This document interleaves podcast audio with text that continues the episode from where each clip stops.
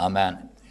Ja, vi firar ju påsk nu och eh, när Israel firade påsk, Pesach, eh, att gå förbi, så eh, tittade de ju tillbaka och tänkte på den där sista natten i Egypten när påskalammet hade slaktats, blodet strukits på dörrposterna och eh, hur eh, en mängd övernaturliga under hade skett. Därför att Bibeln säger att han förde dem ut med mäktig hand och i hans stammar fanns ingen som stapplade. Det måste betyda att eh, den som var lam, han eh, hoppade upp. Och jag tror det skedde när eh, lammet kom in i munnen och man började tugga, så plötsligt öppnades de blinda ögonen och eh, den lame stod upp och den dödssjuke reste sig ifrån sin säng. Och det här var ju bara en förebild. Så hur mycket starkare är det inte för oss att se tillbaka på verkligheten som fick sin uppfyllelse på Golgata kors. Det här var så oerhört viktigt för Israel, eh, så att eh, Gud befallde att eh, de skulle föra detta vidare till den kommande generationen. Och det står i alla fall på fyra olika ställen att när dina barn frågar dig vad betyder detta? Det vill säga alla de saker som de gjorde i samband med, med påsken. Så fick de också direktion utav Gud vad de skulle svara.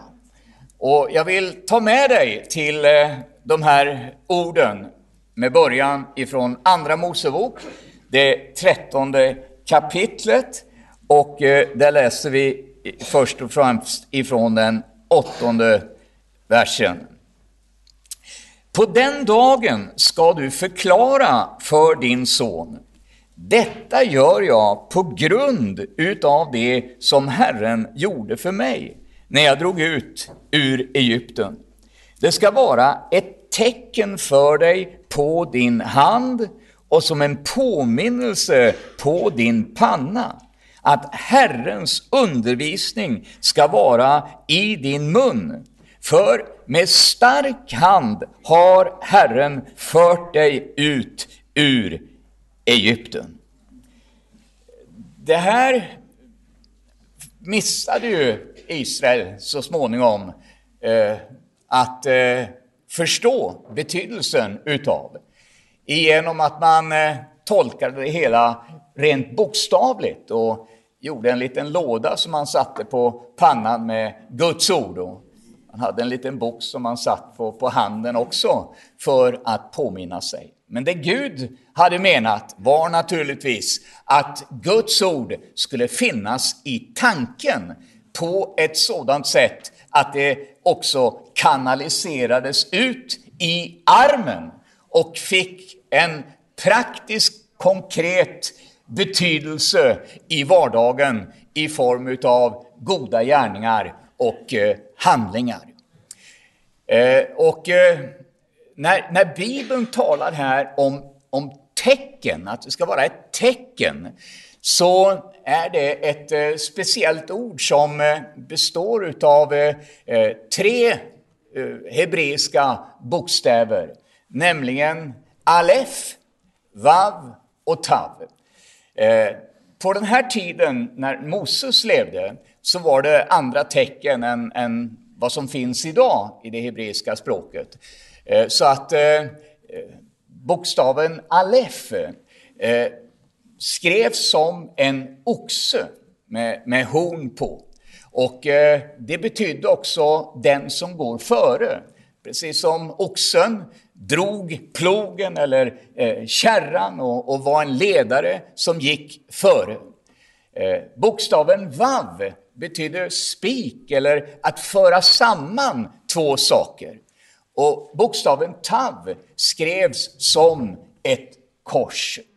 Och då förstår du vad det betyder, nämligen en ledare som förs upp och spikas fast med ett kors.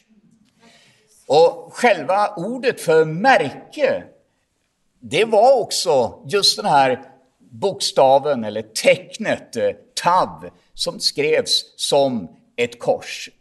Och det står i Esekiel att eh, innan folket fördes bort i fångenskap till Babel så skulle en ängel gå igenom staden för att sätta ett märke på alla dem som jämrade sig och, och klagade över situationen i landet. Och det märke eh, som de fick, det var den här bokstaven TAV, det vill säga ett kors. Eh, och jag tänkte, Antikrist har sitt märke och det talas väldigt mycket om det märket som var och en ska få på sin hand eller på sin panna. Men tack och lov, Gud har ett märke som är starkare. Och det är korsets märke. Och det har vi, eh, inte bara på vår hand, utan vi har det framför allt i våra hjärtan. Halleluja. Vi är märkta med korset. Och det är så fascinerande när man läser Bibeln, tycker jag, att eh, det är som att eh, korset, det går som en vattenstämpel igenom hela Bibeln. Jag tänkte på Moses, eh, när han räckte ut sin hand så höll han i en stav, en stav utav trä. Och trät Ja, det är korset. Förbannade var och en som är upphängd på trä. Och när Moses räcker ut sin arm så håller han i trät i korset. Vi, vi kan gå vidare och, och se en, en mängd olika eh, sådana här exempel på, på korset. Men nästa fråga som eh, man skulle svara på eh, får vi i den fjortonde eh, versen. Där står det, när din son i framtiden frågar dig, vad betyder detta? Ska du svara honom, med stark hand förde Herren oss ut ur Egypten, ut ur träldomshuset. Och det är så fantastiskt fint att eh, Gud vill föra oss ut ifrån träldomshuset, utifrån all religiös träldom och ut i den underbara frihet som eh, Bibeln säger tillhör Guds barn. Så har du levt i slaveri och, och träldom, då finns det ett annat liv. Eh, problemet är att eh, en del har levt i den här religiösa eh, träldomen så länge så att man är nästan lite rädd för den verkliga friheten. Att liksom ge sig hän fullständigt och helt åt Herren.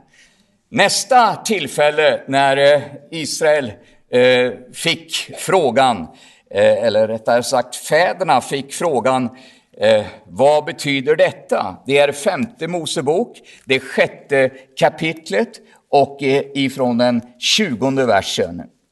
När din son i framtiden frågar dig, vad betyder det vittnesbörd och stadgar och bud som Herren vår Gud har gett er?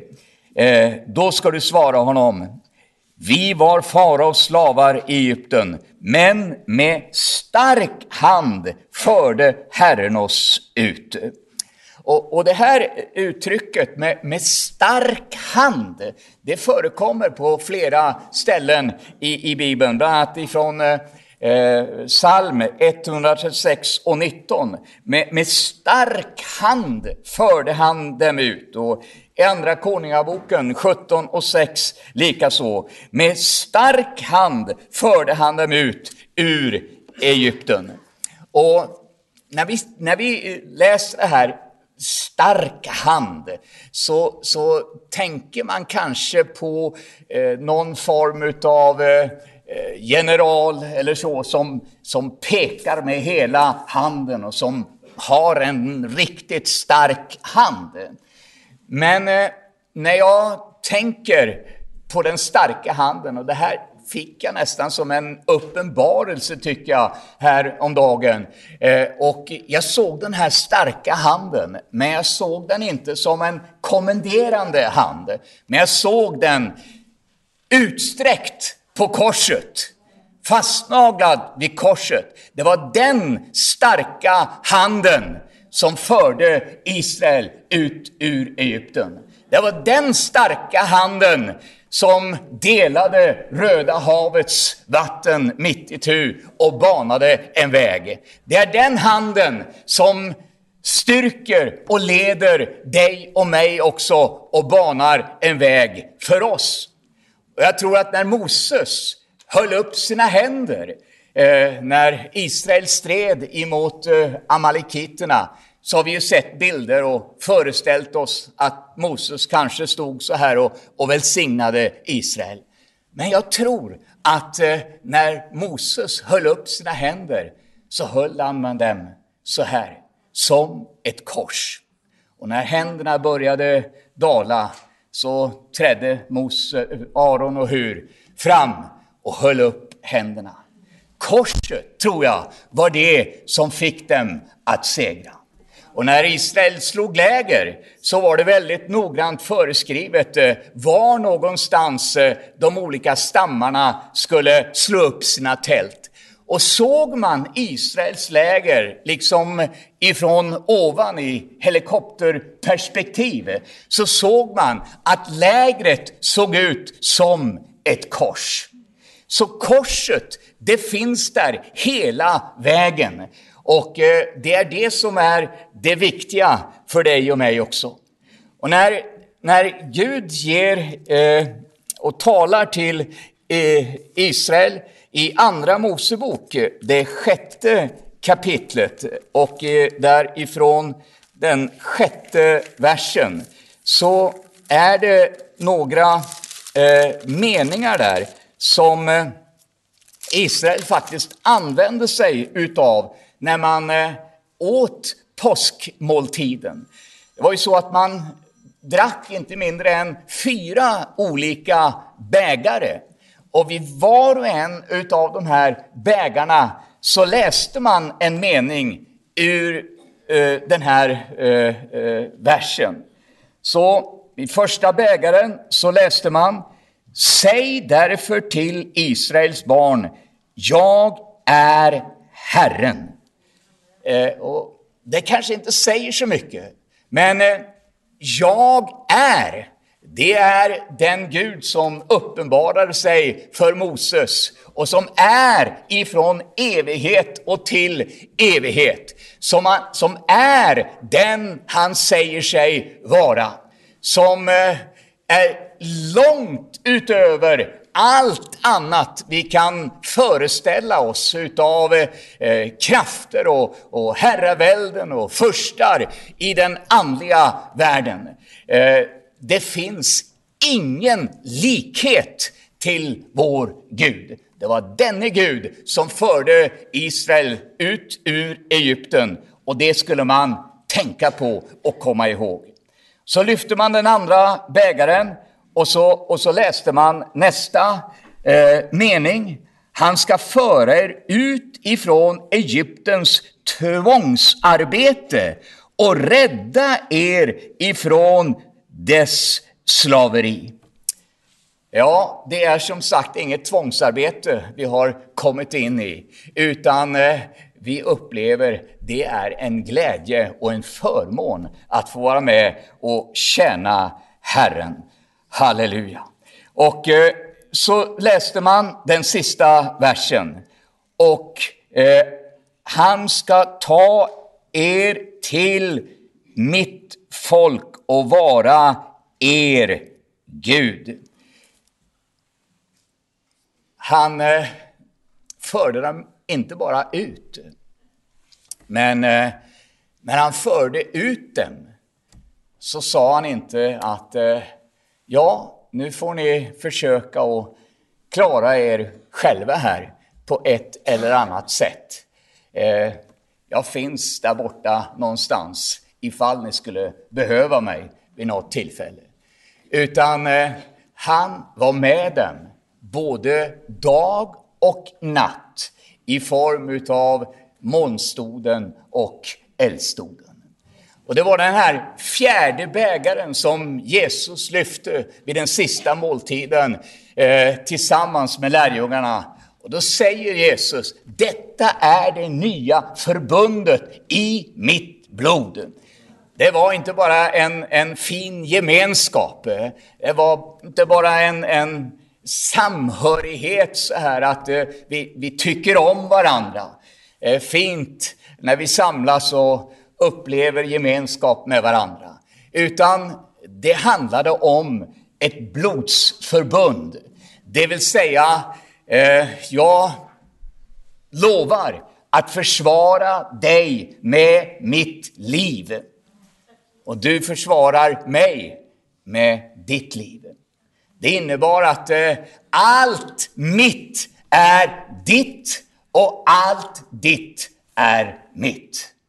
Och, och, det har vi förstått många gånger när det gäller eh, Guds förpliktelser till dig och mig. Allt hans är vårt. Vi är välsignade, står det, med all den himmelska världens välsignelse. Och, eh, allt tillhör oss i Kristus Jesus. Så härligt och, och underbart. Eh, men eh, det finns också den andra sidan, det vill säga allt vårt är hans. Visst, det var det här som den unge mannen i Matteus 19 inte riktigt hade fått kläm på. Jesus säger till honom, ja det är fint att du har hållit alla buden, men eh, gå bort och sälj allt vad du äger ska du få en skatt i himlen. Och så står det att mannen gick bedrövad bort. Nu säger jag inte att vi ska sälja allt vi har för att bli frälsta. Det är inte det det handlar om. Men vi måste inse och förstå att eh, det vi har, det tillhör egentligen Gud. Allt det han har välsignat oss med, det, det har vi egentligen till låns. Så när Gud kommer och säger, jag behöver åsnan, då är den hans. Eller jag behöver bilen, eller jag behöver dina medel, eller vad det nu kan vara för någonting, så ger vi egentligen bara tillbaka det som redan är hans och som tillhör honom. Och då kan vi också göra anspråk på ett helt annat sätt eh, på den andra delen utav det här förbundet som eh, Herren har fört oss in i och som vi lever i tillsammans med honom. Efter att eh, Israel hade ätit den här måltiden så kom det osyrade brödets högtid. Och den högtiden den inleddes med att eh, hela huset storstädades. Eh, och eh, sen hade man en, eh, en sed som innebar att eh, mamman i huset tog en liten brödbit med syrat bröd och gömde den någonstans i huset. Och I Bibeln står ju syran för synd och, och orenhet. Det var det som nu skulle rensas bort i, i huset efter att eh, lammet hade slaktats. Synden hade blivit borttagen. Eh, och eh, det manifesterades utav att syran skulle ut ur huset. Och då gjorde man på det här sättet att eh, hela huset släcktes ner. Pappan tog ett ljus och så började han och barnen att leta efter det syrade brödet. Barnen hade också två saker med sig. De hade en fjäder och en träslev. Och så gick de runt och letade. Och när de hittade brödbiten så tog de fram fjädern. Och så skrapades brödbiten ner med fjädern på träsleven. Man svepte in brödbiten i en linneduk, tog ut den utanför huset och den brändes upp. Vad betyder det här? Ja, ljuset, det är Guds ord som eh, är våra fötters lykta och som lyser upp vårt innersta. Ibland så kan det behöva lysas upp lite grann i vindsutrymmet här uppe också. Du vet när man kommer upp på vinden och det är lite eh, halvmörkt och skumt så kan det se ganska ordentligt ut.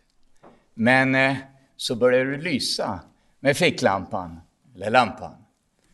Och plötsligt så ser du både spindelväv och massa damm och smuts och gamla möbler som behöver rensas upp.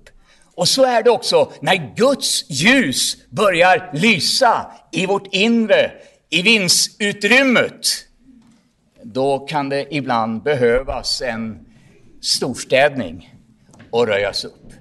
Som David säger, Ransaka mig, Herre, och känn mina tankar och se efter om jag är stadd på en olycksväg och led mig på den rätta vägen.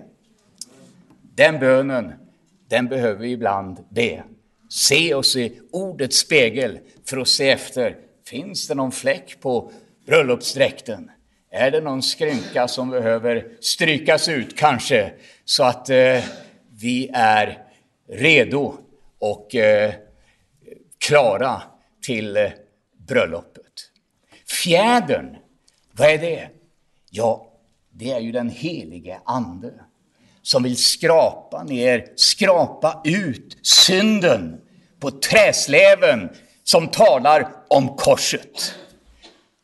Och Jesus, han sveptes ju in i en linneduk. Brödbiten togs ut, brändes på elden. Och när Jesus dog, då dog han, står det, utanför lägret. Precis som offret utav syndoffret inte brändes på kopparaltaret, utan utanför lägret. Så låt oss därför gå ut utanför lägret och bära hans smälek. Halleluja. Linnebindeln, eller linneduken, ja det har ni hört om säkert, att eh, när det var slut på måltiden och fadern i huset vek ihop linnebindeln, då var det ett tecken på att eh, det är inte slut än, jag kommer tillbaka. Så när eh, kvinnorna fann linneduken hopvikt vid fotändan så var det en signal ifrån Jesus. Jag kommer tillbaka. Halleluja. Amen. Så Gud har i detalj i ordningställt allt sammans. Och när vi läser om alla dessa detaljer så tycker jag att det är så ofantligt trosstärkande. För ingenting var en tillfällighet, utan allt sammans var orkestrerat, planerat eh, ifrån världens begynnelse. Han var det slaktade lammet ifrån världens begynnelse. Och så dör Jesus just i det ögonblick Gud hade bestämt. Klockan nio på morgonen, då binds lammet fast vid eh, altaret, visionen på altaret. Klockan nio på morgonen spikas Jesus fast på korset. Och så säger psalm 118, som David skrev vid det här tillfället för tusen år sedan. Ordna er i högtidsled med lövrika kvistar och gå fram till altarets horn. Och hornen på altaret, det var ju också det som flyktingen som var hotad till livet skulle fly till och ta tag i. Som talar om korset som vi får fly till och uppleva räddning ifrån hotande evig död. Och så gick timmarna. Klockan tolv, då skulle lammet slaktas. Men eh, det går inte. För plötsligt så blir det nattsvart mörker över hela landet. Och lagen sa att lammet kunde inte slaktas medan det ännu var mörkt. Men så klockan tre så ger Jesus upp annan. Mörkret skingras och det blir skymning. Och lammet i hemmen kunde slaktas. Men först måste Guds lamm som borttar världens synd slaktas innan förebilden kunde slaktas. Och så vinner Jesus denna fantastiska seger som vi får en, en liten glimt utav när Gud manifesterar sin makt i Egypten och liksom avväpnar Egyptens gudar. Han börjar med flodguden och säger att eh, låt det bli blod i hela Nilen. Och så kommer grodguden som man tillbad och, och trodde det var något speciellt med när, när grodorna kom upp ur Nilen. Så det var som Gud sa, vill ni tillbedja er grodgud, så varsågod. Och så fyllde han hela landet med, med grodor. Och så var det guden som man trodde bodde i, i jordens inre. Och när den här guden skrattade så trodde man det var jordbävning. Men Gud lät Aron röra upp lite grann på jorden i stoftet och hela atmosfären fylldes av myggor. Och så var det eh, guden som var liksom luftens gud, eh, vindens gud. Vad gör Gud? Jo, han fyller hela luften med flugor. Och sen följer den ene guden efter den andra. Man hade en gud som trodde att det skulle bli skydd, som skulle skyddas från nerfallande saker ifrån himlen. Men Gud låter hagelstenar falla ner över dem. Och så var det läkekonstens gud som hade en, en stav och, och en kniv.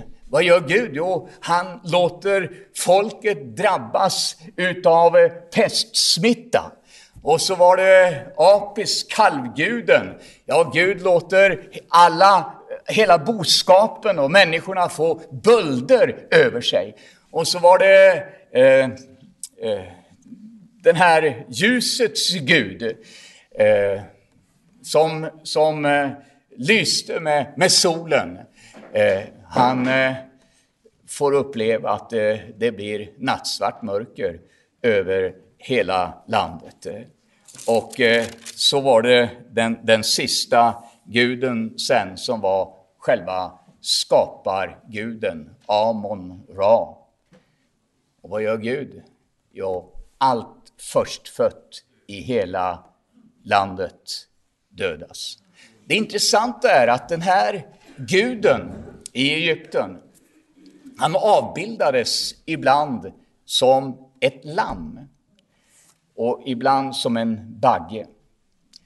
Så när lammet slaktas så var det också en signal till den här andefursten som stod bakom den här guden. Det står i, i andra Korinthierbrevet om att eh, vi är en doft, en välbehaglig doft inför Gud. Men så står det för somliga från död till död och från, för andra ifrån liv och till liv. Och du kan ju tänka dig nu när eh, kanske 200 000 människor börjar att rosta lamm. Har, har du varit på, i trädgården på sommaren och grannen börjar grilla? Eller på en camping och man tar fram grillen och, och börjar steka. Då känner du, det luktar grill över hela camping nästan. Nu var Israels barn kanske två miljoner människor. Man hade inte ett lamm var, men tio personer delade på ett lamm.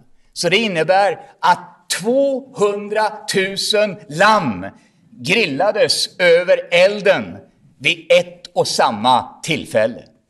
Så att det var liksom en signal till Egypten. Nu grillar vi er Gud. Och Gud sa till dem att eh, skär inte upp lammet i små bitar. För det skulle inte finnas någon tvekan att det var ett lamm som grillades. Och eh, så manifesterar Gud sin suveränitet på det här sättet. Och Bibeln säger han har avväpnat andevärldens förstar och väldigheter. Och han har gjort dem till skam för alla. Så vi behöver inte tänka på att det ja, undrar hur det ska gå här. Det är en väldig kamp. Hur ska det här sluta, tro? Ska det bli bra till sist eller eh, hur ska det... Ja, vad, vad händer? Nej, Jesus är så oändligt mycket större så allt annat det är mindre än små myror. Vi har mer än seger i Jesu Kristi namn. Halleluja! Och när Jesus hänger där på korset så, så har Pilatus, han har också satt upp en, en skylt ovanför korset. Och när fariseerna och, och eh, de skriftlärda fick se den här skylten, då blir de minst sagt upprörda och går till Pilatus och säger du måste ta ner skylten. Och man kan ju undra varför var det så viktigt? Jag menar, nu hade de ju ändå fått honom dit han ville. Han hängde där på korset. Men de skulle till varje pris ha ner skylten. Vad stod det på skylten? Jo, det stod Jesus ifrån Nasaret, judarnas konung. Och det stod på tre olika språk. Det stod på arameiska, på latin och på hebreiska. Och eh, på hebreiska så blev det Joshua, Hanetsri, Velmechi, Hayudim. Och eh, när man läste det så blir de första bokstäverna i den texten Jod, He, Vav, He. Du vet, Israel, de kunde inte uttala Guds namn, utan de skrev bara konsonanterna. Och när man läste de första bokstäverna i varje ord så blir det J-H-V-H. Javé, eller Jehova. Så det var Gud själv genom Jesus Kristus som hänger där på korset. Och Gud själv satte upp skylten. Halleluja! Inte undra på att eh, generalen efter jordbävningen säger förvisso var denne man Guds son. Halleluja! Och Fadern bekräftar det själv genom att slita itu hela förhänget, fem centimeter tjockt, ända uppifrån och ner och banar vägen rakt in i det allra heligaste, i gemenskap med Herren Gud. Halleluja! Och det var som att Gud också nästan i, i, i förtvivlan eh, sliter sönder sina egna kläder. På samma sätt som, som eh, Jakob gjorde när han fick höra att, eh, att Josef var död, så står det att han slet sönder sina kläder. Och eh, det här var ju något som man praktiserade när en nära släkting hade dött. Men inte bara att Gud slet sönder sina kläder, utan eh, översteprästen slet också sönder sina kläder. Och eftersom det var förbjudet att förrätta tjänst med trasiga kläder, fick inte ens vara en fläck på dem, inte en liten reva en gång, så var det precis som att Kaifas, han avsatte sig själv genom att släta sönder sina kläder. Nu var det en ny tid med ett nytt prästerskap. Halleluja! Åh, oh, tack och lov Jesus! Och där får du och jag vara med. Eh, ja, jag tänker på Sakarja eh, också, som, där, där det står om, om detta i, eh, jag tror det är sjätte kapitlet, eh, eh så eh, står det, se en man vars namn är telningen, under honom ska det gro. Han ska bygga Herrens tempel. Vad är det för tempel? Ja, det är du och jag. Halleluja! Och telningen betyder också rotskott. Eh, och eh, han är inte bara rotskottet, utan precis som det står i psalm 118, som de sjöng under påsken, som Gud hade kommenderat, det, där står det att han är hörnstenen som byggnadsmännen föraktade. Eh, och det är honom vi, vi bygger på hörnstenen. Och där är det så oerhört viktigt eh, att hörnstenen står rätt. Eh, och hörnstenen, det är ju en bild på, på ordet. Eh, och att vi, vi bygger utifrån Guds ord. För gör vi inte det, då kommer hela huset att bli snett och vint och, och, och snart rasa ihop. Jag, jag hörde idag på morgonen om en, eh, en 42 vånings skyskrapa som hade börjat få sprickor i toppen. Eh, och eh, den här eh, det var ju en väldig oro naturligtvis. Och man tog dit både arkitekten och, och byggmästaren. Arkitekten åkte upp till 42 våningen för att titta på sprickorna. Men byggmästaren åkte ner i källaren varför då? Jo, därför att det, det som sker i källaren, i grunden, det påverkar toppen. Och det visade sig att det var någon som hade velat ha lite större garageplats där, så under flera år så hade han hackat lite grann i, i grunden. Och eh, Hela huset hade på det sättet blivit instabilt. Och börjar man hacka i grunden på Guds ord, då får det konsekvenser för hela byggnaden, ända upp i toppen, ända ut i familjen, ända ut i, i samhället, ända ut i naturen, så får det konsekvenser när man hackar på grunden. Men vi vill ha rätt grund. Vi vill bygga på Jesus, på Golgata och på korset som vi vill ska stå i centrum. Det är så otroligt lätt eh, att eh, vi kommer in liksom på olika sidospår. Jag tänker på, på eh, Simon ifrån Syrene. Han hade kommit till Jerusalem och de hade säkert köpt ett, ett lamm och var spänt förväntan på att nu få bära fram det här lammet. Ett lamm, det skulle ju inspekteras under fyra dagar.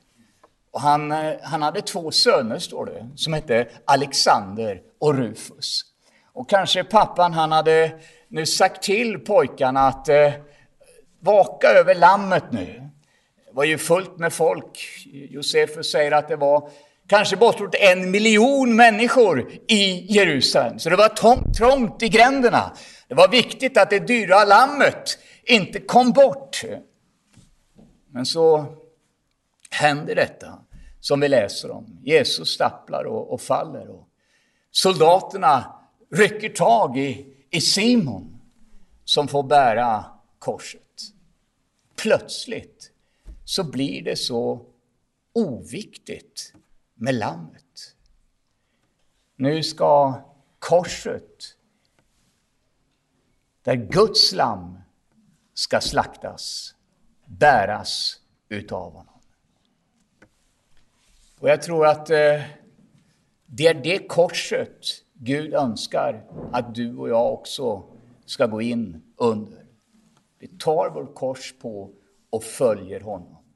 Och när vi gör det, då är det som att allting annat, det mister väldigt mycket utav sin betydelse. Och så får vi fokusera på det som är viktigt och som verkligen betyder någonting i den här tiden. Jesus Kristus och honom som korsfäst. Det som Paulus inte ville veta av någonting annat än.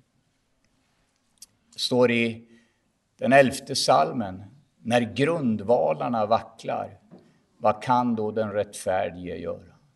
Vi lever i en tid nu när grundvalarna inte bara vacklar utan fullständigt håller på att raseras. Vad gör vi då? Jo, vi går tillbaka till korset. Och så ställer vi oss vid hans kors. Och så bekänner vi hans ord och talar om Jesus, vi vill leva för dig. Vi vill stå för dig Jesus i den här tiden när det stormar och blåser. Då vill vi vara förankrade vid korset och vid ordet i Jesu namn. Amen. Jesus, jag tackar och prisar dig Herre för att eh, du har vunnit en så överväldigande seger för oss Herre. Tack Jesus Kristus för att vi får uppleva detta som en verklighet. Jag tackar dig Jesus Kristus för att eh, vi får fokusera på dig Herre. Vi lyfter upp våra ögon Jesus och så ser vi på dig Herre, du som är trons hövding och fullkomnare. Tack Jesus Kristus för att du är här